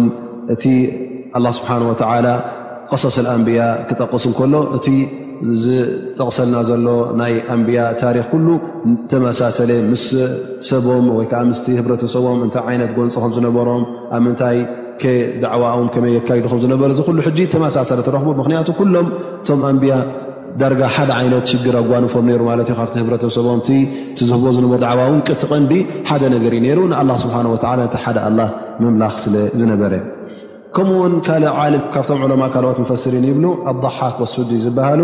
ኣልሙሕከም ኣየና ይብሉ እቲ ናስኽ ኣለذ ይዕመሉ ብ ማለት እቲ ሰራዚ ንዕኡ ኢና ሙሕከም ንብሎ እቲ ሙተሻብህ ከ እቲ መንሱኽ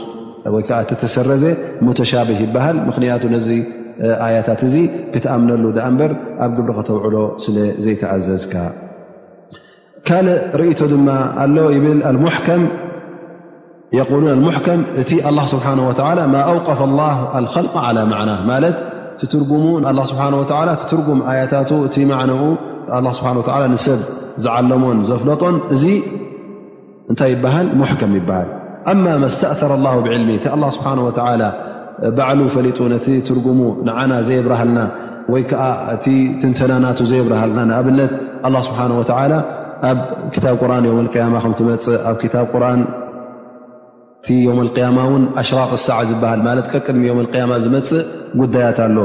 እዚ ነገራት እዚ ከምኡውን ሰይድና ዒሳ ደጃል እዚ ኩሉ ከም ዘሎ ኣላ ስብሓን ወተላ ጠቒሱልና እዩ ግን እዚ ነገራት እዚ ተንተንኡ ኩሉ ክንፈልጦ ይንክእል ዒሳ መዓስ ከም ዝወርድ መን ይፈልጦ ሕጂ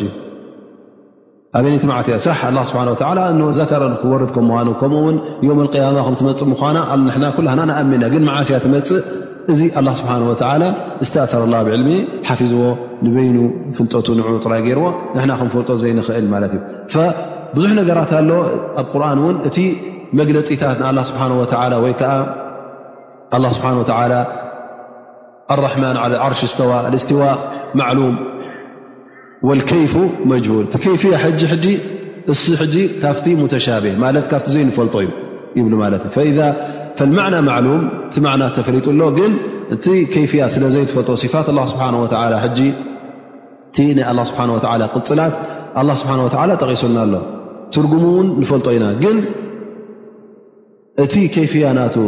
ከመይነት ና ኣይንፈልጦን ኢና እዚ ንታይ ና ንገብር ኣ ስብሓ ኣለም ብ ምክንያቱ ከመይ ኢሉ ስብሓ ሰሚዑ ከመይ ገይሩ ሰምዕ ከመልካ ተርታ ኮይንካ እዚ ጉዳይ ዚ ስብሓ ስለዘይሓበረካ ሰሚዕ ከም ምኳኑ ነጊሩካ ሎ ይሰምዕ ዩ ትብል ስብሓ ዝሕብኦ ነገር የለን ኩሉ ዝኾነ ይኹን ሃይ ዝኾነ ይኹን ድምፂ ስብሓ ይሰምዑ ግን ከመይ ገይሩ ይሰምዑ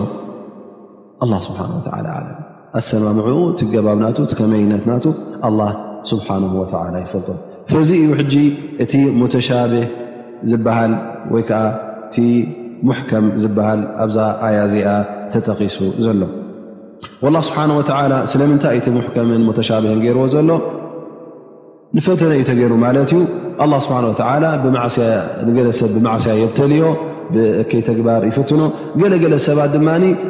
በዚ ክታብ ቁርን ንገዛእ ርእሶም ኣብ ፊትና ይወጥቁ ማለት እዩ ኣብ መርመራ ይወጥቁ ማለት እዩ ነዚ ክታብ ቁርን ኣብ ክንዲ እቲ መንገዲ ሓቅን ሒዙ ዝኸይድ ኣያታት ዝወስዱ ነቲ ዘጋጊ ኣያታት ወይ ከዓ ነቲ ክልተ ትርጉም ክህብ ዝከኣል ንዕኡ እናወሰዱ ነብሶም ኣታሊሎም ንካልእ ሰብ ክታልልሉ ይጅምሩ እሞ ከዓ እቲ ቁርን ነንሕዱ እዚ ን ኣይሰማምዕን እዩ ከምዛ ሕጂ ዘምፃእ ናይ ኣያ ንኣብነት ኣምፅኡ ንዓኻ ከበላሽወልካ ክል ከመይ ገይሩ ኣ ስብሓ ወ ኣብቲ ኣያ እቲኣ ኣሊፍላምራ ክታቡን ኣሕክመት ኣያት እናበለ ሎ ኩሉ ሙሕከም እናበለ ከሎ ኣብ ካል ኣያ ድማ ኩሉ ሙተሻብህ ይብለና ኣብዚ ድማ ፍርቁ ሙተሻብህ ፍርቁ ዘይ ሙተሻብህ ኢሉ ንዓኻ ሕጂ ከደናግረካ ይኽእል ማለት እዩ ዘይፈልጥ ሰብ ክርከብ እንከሎ ይደናገር ማለት እዩ እንተ ከምዝኣመሰለ ዚ ዓይነታት ረኪቡ ድማ ኣብ ጥርጠራ ይኣቱ እታ ጠርጠራኣትኻ ዝክታ ቁር እታ ብሓቂ ካብ ኣላ ዝከም ዝመፅካ ጠራጠር ኮይንካ ዋላ ንእሽተይ ምጥርጣር ትኸውን ካብታ እስልምና ተወፅእ ኣለኻ ማለት እዩ ስለዚ እዚ ኣላ ስብሓን ወተላ ንዓና ነቶም ባሮቱ ንዓና ክምርምረና ፈተና ክእትወና ስለ ዝደለየ በዚ ፈቲኑና ማለት እዩ እቶም መገዲ ሓቂ ዘይደልዩ ኩሉ ግዜ ኣላ ስብሓን ወተላ ንመገዲ እከይ ዝመረሖም ካብ መገዲ ሓቂ ዝወፁ ኩሉ ግዜ ኣብኦም ዝኸዱ ኣብቲ ሙተሻበ የቁል ላ ስብሓን ወላ ፈኣማ ለذነ ፊ ቁሉብህም ዘይ ዘይ ማዕና ጥፍኣት ማለት እዩ ካብ መገዲ ሓቂ ምእላይ ካብ መገዲ ሓቂ ጥውይ ምባል ናብ መገዲ ፀድፊ ምኻድ ማለት እዩ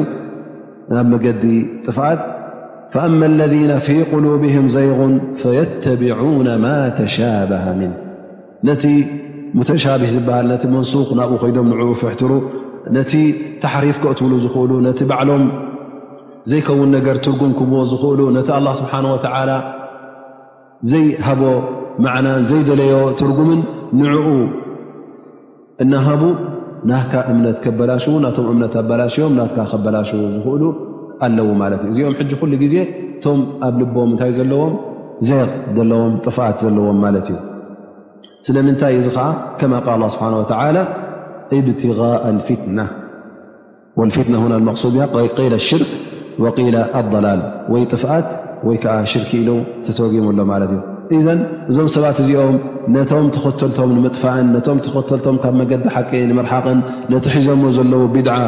ብኡ ንክቕፅሉ እንታይ ይጥቀሙ ማለት እዩ ወላ ካብ ክታብ ቁርን ነቲ ሙተሻቢህ ዝኾነ ኣያታት ንዕኡ ምዝዝ ምዛቢሎም ብኡ ክካትዑኻ ይኽእሉ ብኡ ውን ከጥፍኡኻ ይኽእሉ እዮም ስለዚ ነቲ ሙተሻቤህ ነቲ ከም ዝኣመሰለ ኣያ ክልተ ዓይነት ትርጉም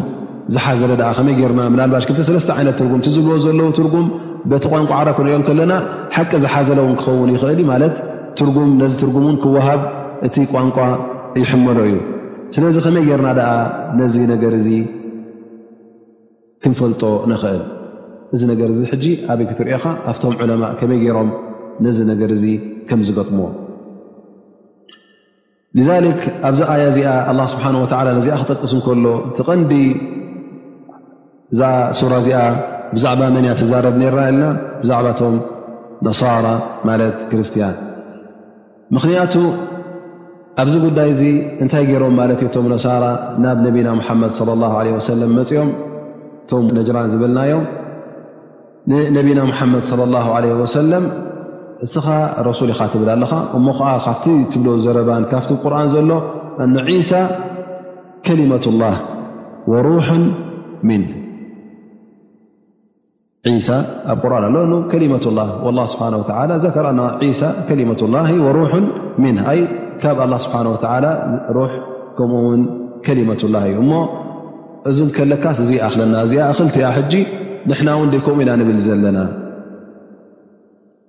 ማለት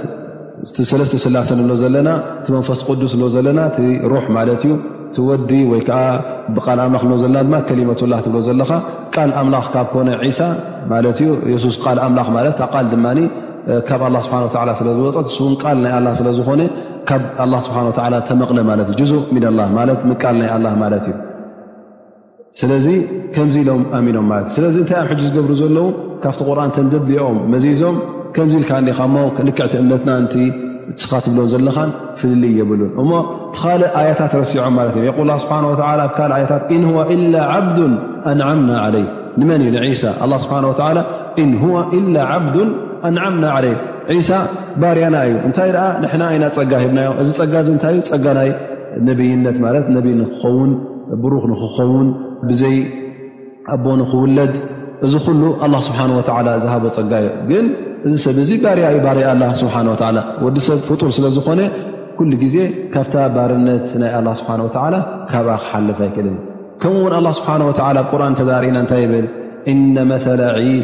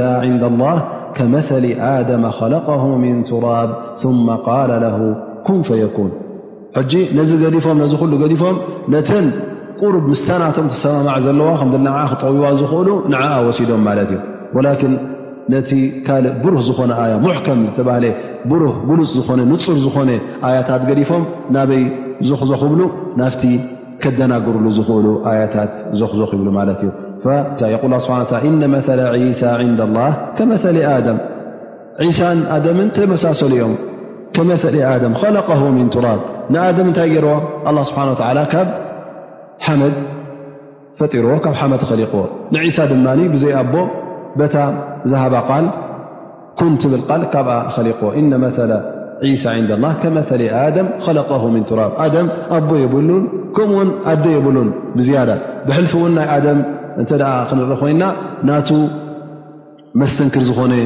ሙዕጅዛ ኮይኑ ክረአ ይከኣል ምኽንያቱ ኣደም ክኽለቕ ከሎ ኣቦ የብሉ ኣደ የብሉ ብልዓክስ ዒሳ ኣደ ላቶ ኣብ ማህፀን ዩ ነይሩ ኣብ ማህፀን ዓብዩ ትሸዓተ ወርሒ ከም ካልእ ሰብ ገይሩ ብድሕሪኡ ተወሊዱ ስለዚ ትዝዓበየ ናይ ኣደም ዩ ነይሩ ማለት እዩ እተደኣ እቲ ኢላህ ክኸውን ወይ ከዓ ጎይታ ንኸውን ክወሃብ ኮይኑ ከምቲ ናይ ጎይታ መሰል ክወሃብ እተ ኮይኑ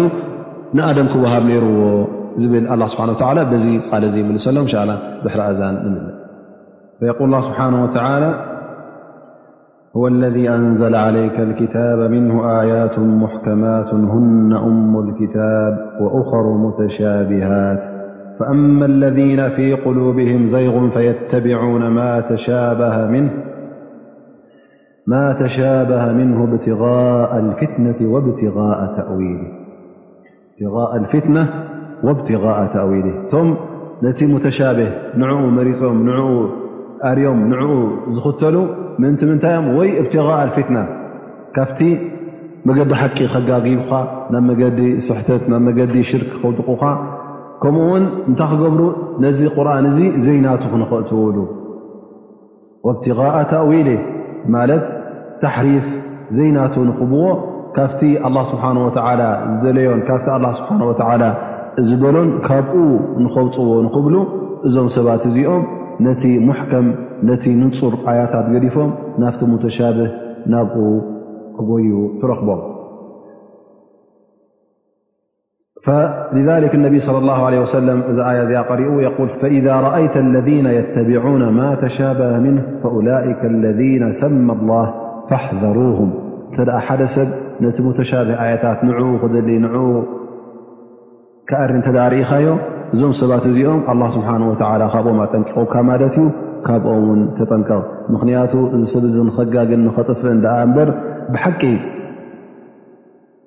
ድልት ናይ ራ ኣለዎ ኮይኑ ናይ ሰናይ ኣለዎ ኮይኑ እቲ ሙተሻብህ ምሰናይ ክኣስሮ ዘለዎ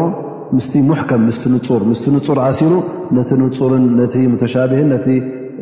ዘጠራጥሮ ዘሎ እተ ክልተ ትርጉም ሒዙ ኮይኑ እታ ምስታ ንፅርቲ ትርጉም ትሰማምዕ ንዓ ሒዙ ክኸይድ ኣለዎ ዳኣ እምበር እንተ ነቲ ንጹር ገዲፉ ናብቲ ሙተሻብህ ናብቲ ከጋግዝ ዝኽእል ናብቲ ክልተሰለስተ ዓይነት ትርጉም ሒዙ ክሕዝ ዝኽእል ናብኡ ዝጓየ ሰብ እንተ ርኢኻ እዚ ካብ መገዲ ሓቂ ወፂኡ ንዓኻ ከጥፍኣካ እዩ ዝደሊ ዘሎ ማለት እዩ ثመ የል ላ ስብሓ ወማ ለሙ ተእዊለ ኢላ ላ ወማ ለሙ ተእዊለ ኢላ ላ ወራሲኹነ ፊ ልዕልም ذ حج أب قر ر كلت عينت الو مت قر نت ين وما يعلم تأويله إلا الله والراسخون في العلم يقولون آمنا ي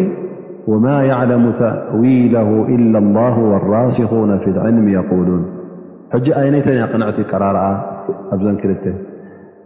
والراسون في العلم جبدና ي و نبل ሓنቲ ቀرر أብنት وما يعلم أويله إلا الله والراسخون في العلم يقولون ዚ رر ካይተ قرأ እ ኮ وما يعلم تأويله إلا الله والراسخون في العلم ينተ قنعت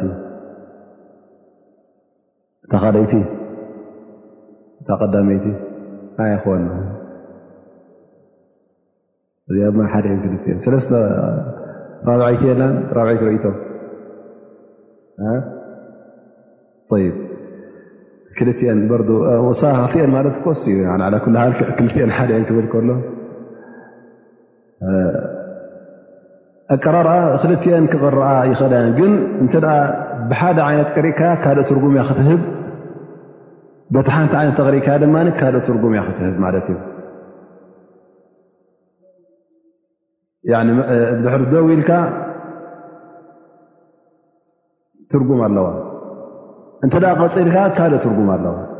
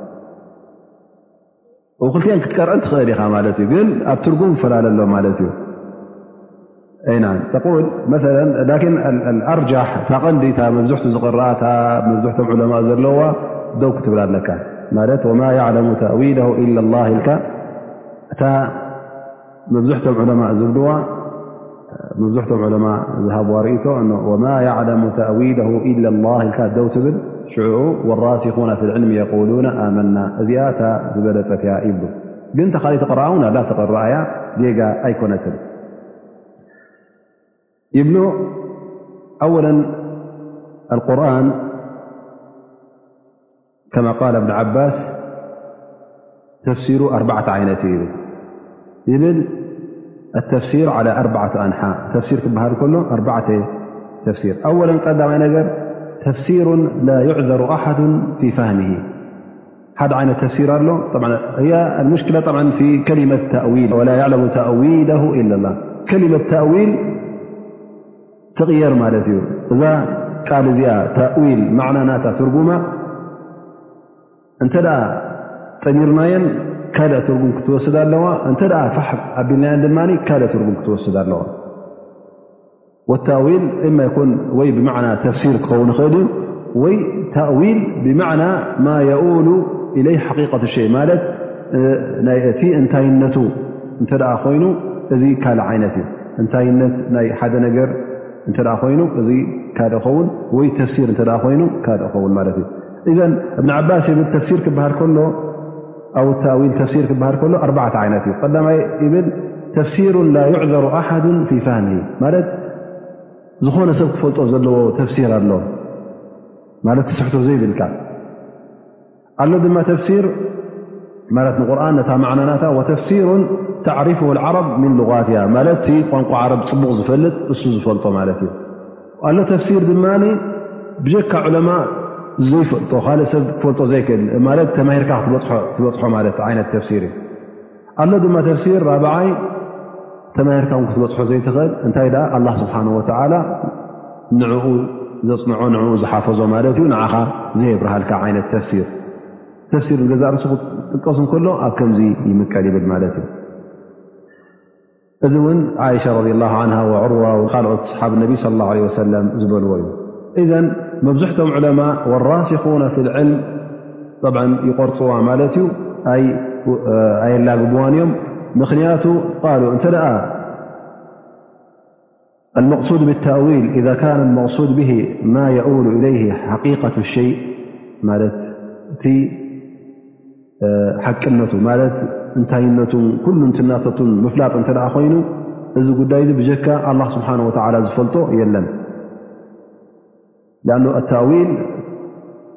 ክልተ ዓይነት ትርጉም ኣለዋ ታዊል ብማዕና ተፍሲር ትመፀ እያ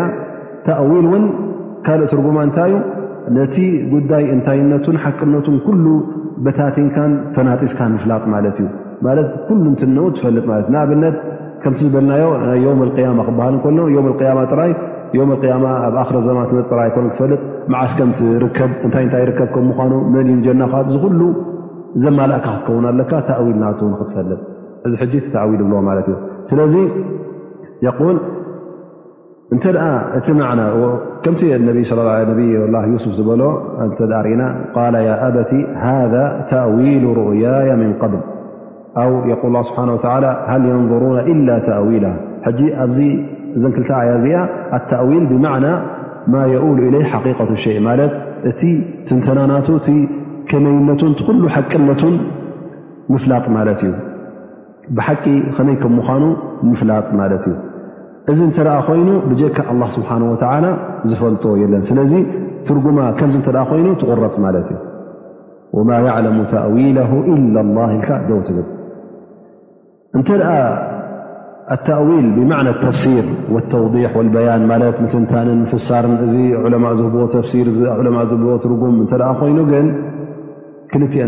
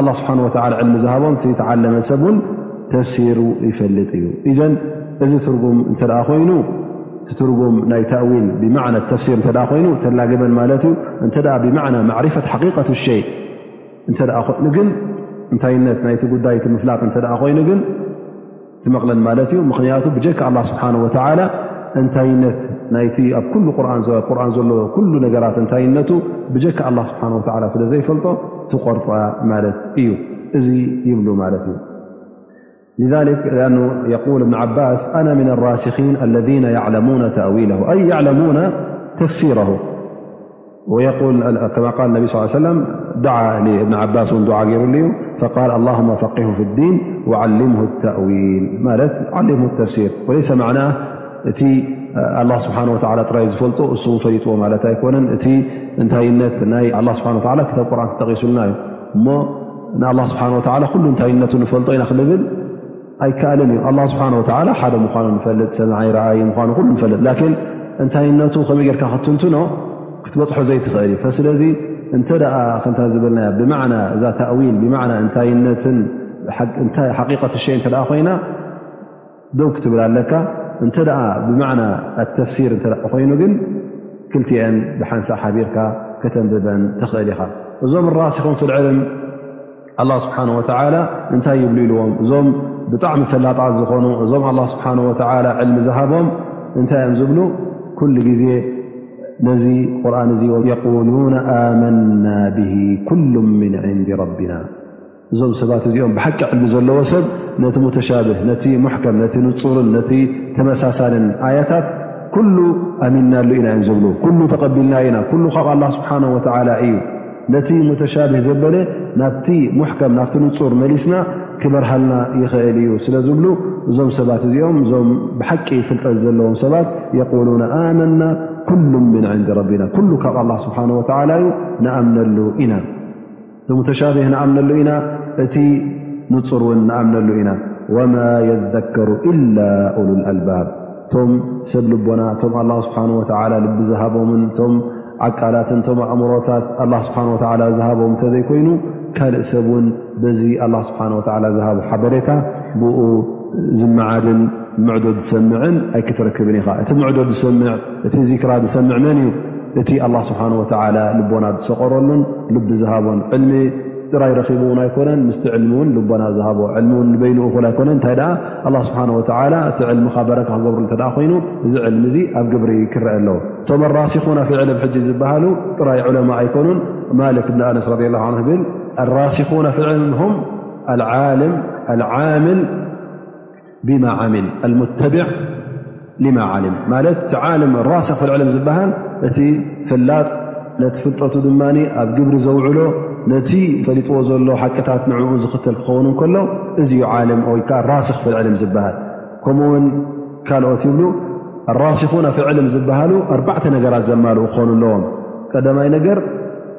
ኣብ መንጎኦምን ኣብ መንጎ ኣላን ስብሓን ወተዓላ ተቕዋ ክህሉ ኣለዎ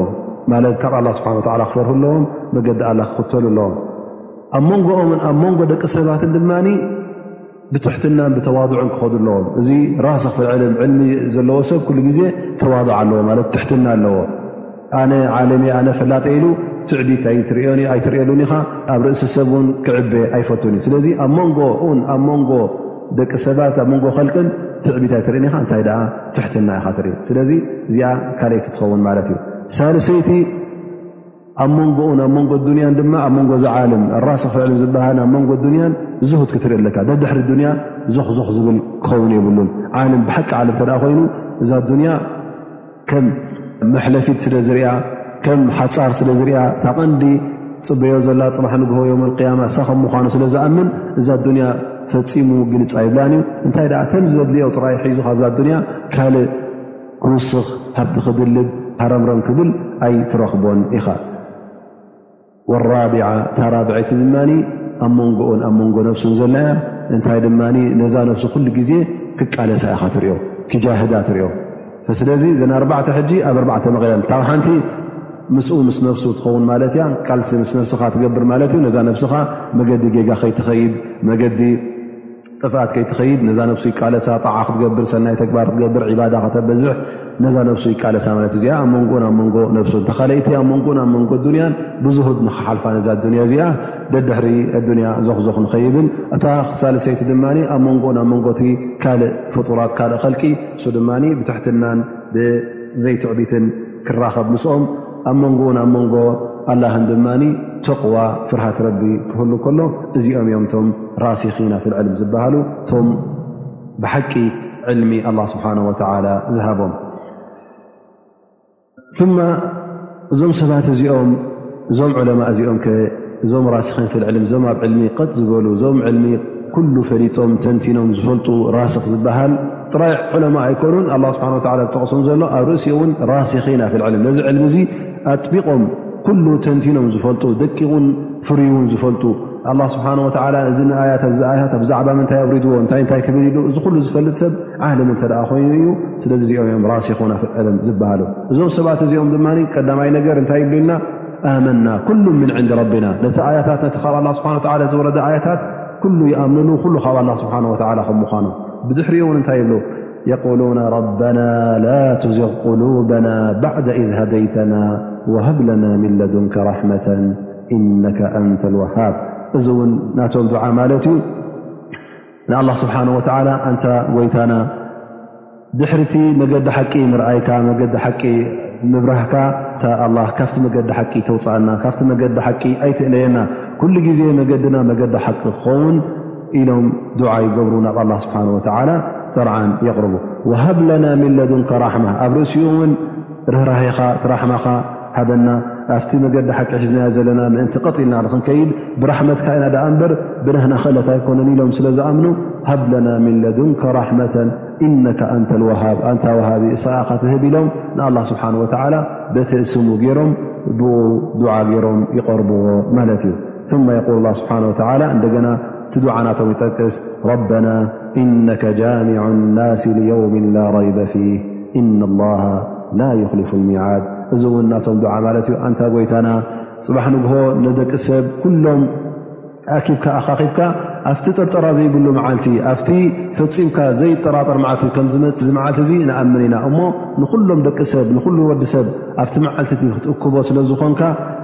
እዚ መዓልቲ እዚ ድማ ንስኻ እዚ ሂብካና ዘለኻ ቆፀራ እዚ መዓልቲ ድማ ዘይትጠልሞ ስለ ዝኾንካ እና ላ ላ ይኽሊፉ ልመዓት ፈፂሙ ኣላ ስብሓን ወላ ትዝሃቦ ቆፀራ ድማ ስለ ዘይጠልም ኣንታ ረቢ ብዛ መዓልቲ እዚኣ ነጅየና ማለት እዩ ኣላ ስብሓን ወላ ኣፍታ ሰብ ዝእከበላ መዓልቲ ኣፍታ ናይ ዮም ልቅያማ ንኽሕልዎም ኣብታ ዮም ልቅያማ ናፃ ንኽብሎም ኣብ መገዲ ሓቂ ፅኒሑ ፍታ ዮም ልቅያማ እታ ዝደልይዋ ጀና ንኸእትዎም ንኣላ ስብሓን ወተዓላ በቲ ክእለቱ ናብ ኣላ ስብሓን ወተዓላ ዱዓ ይገብሩ ማለት እዩ ስለዚ እነቢ ስለ ላ ለ ሰለም እውን ገዛእ ርእሱ ያ ሙቀሊበ ልቁሉብ ተብት ቀልቢ ዓላ ዲኒ ክብል ነይሩ እንተ ሓቀኛ ኢማን ኣለካ ኮይኑ ሓቀኛ ዓለም እተ ኮይንካ እቲ ኢማን ኣብ ልብኻ ዘሎ ባዕልኻ ከምዘይምፃእካዮ ስለትፈልጥ ንኣላ ስብሓን ወላ ኩሉ ግዜ ኣብ ኢማን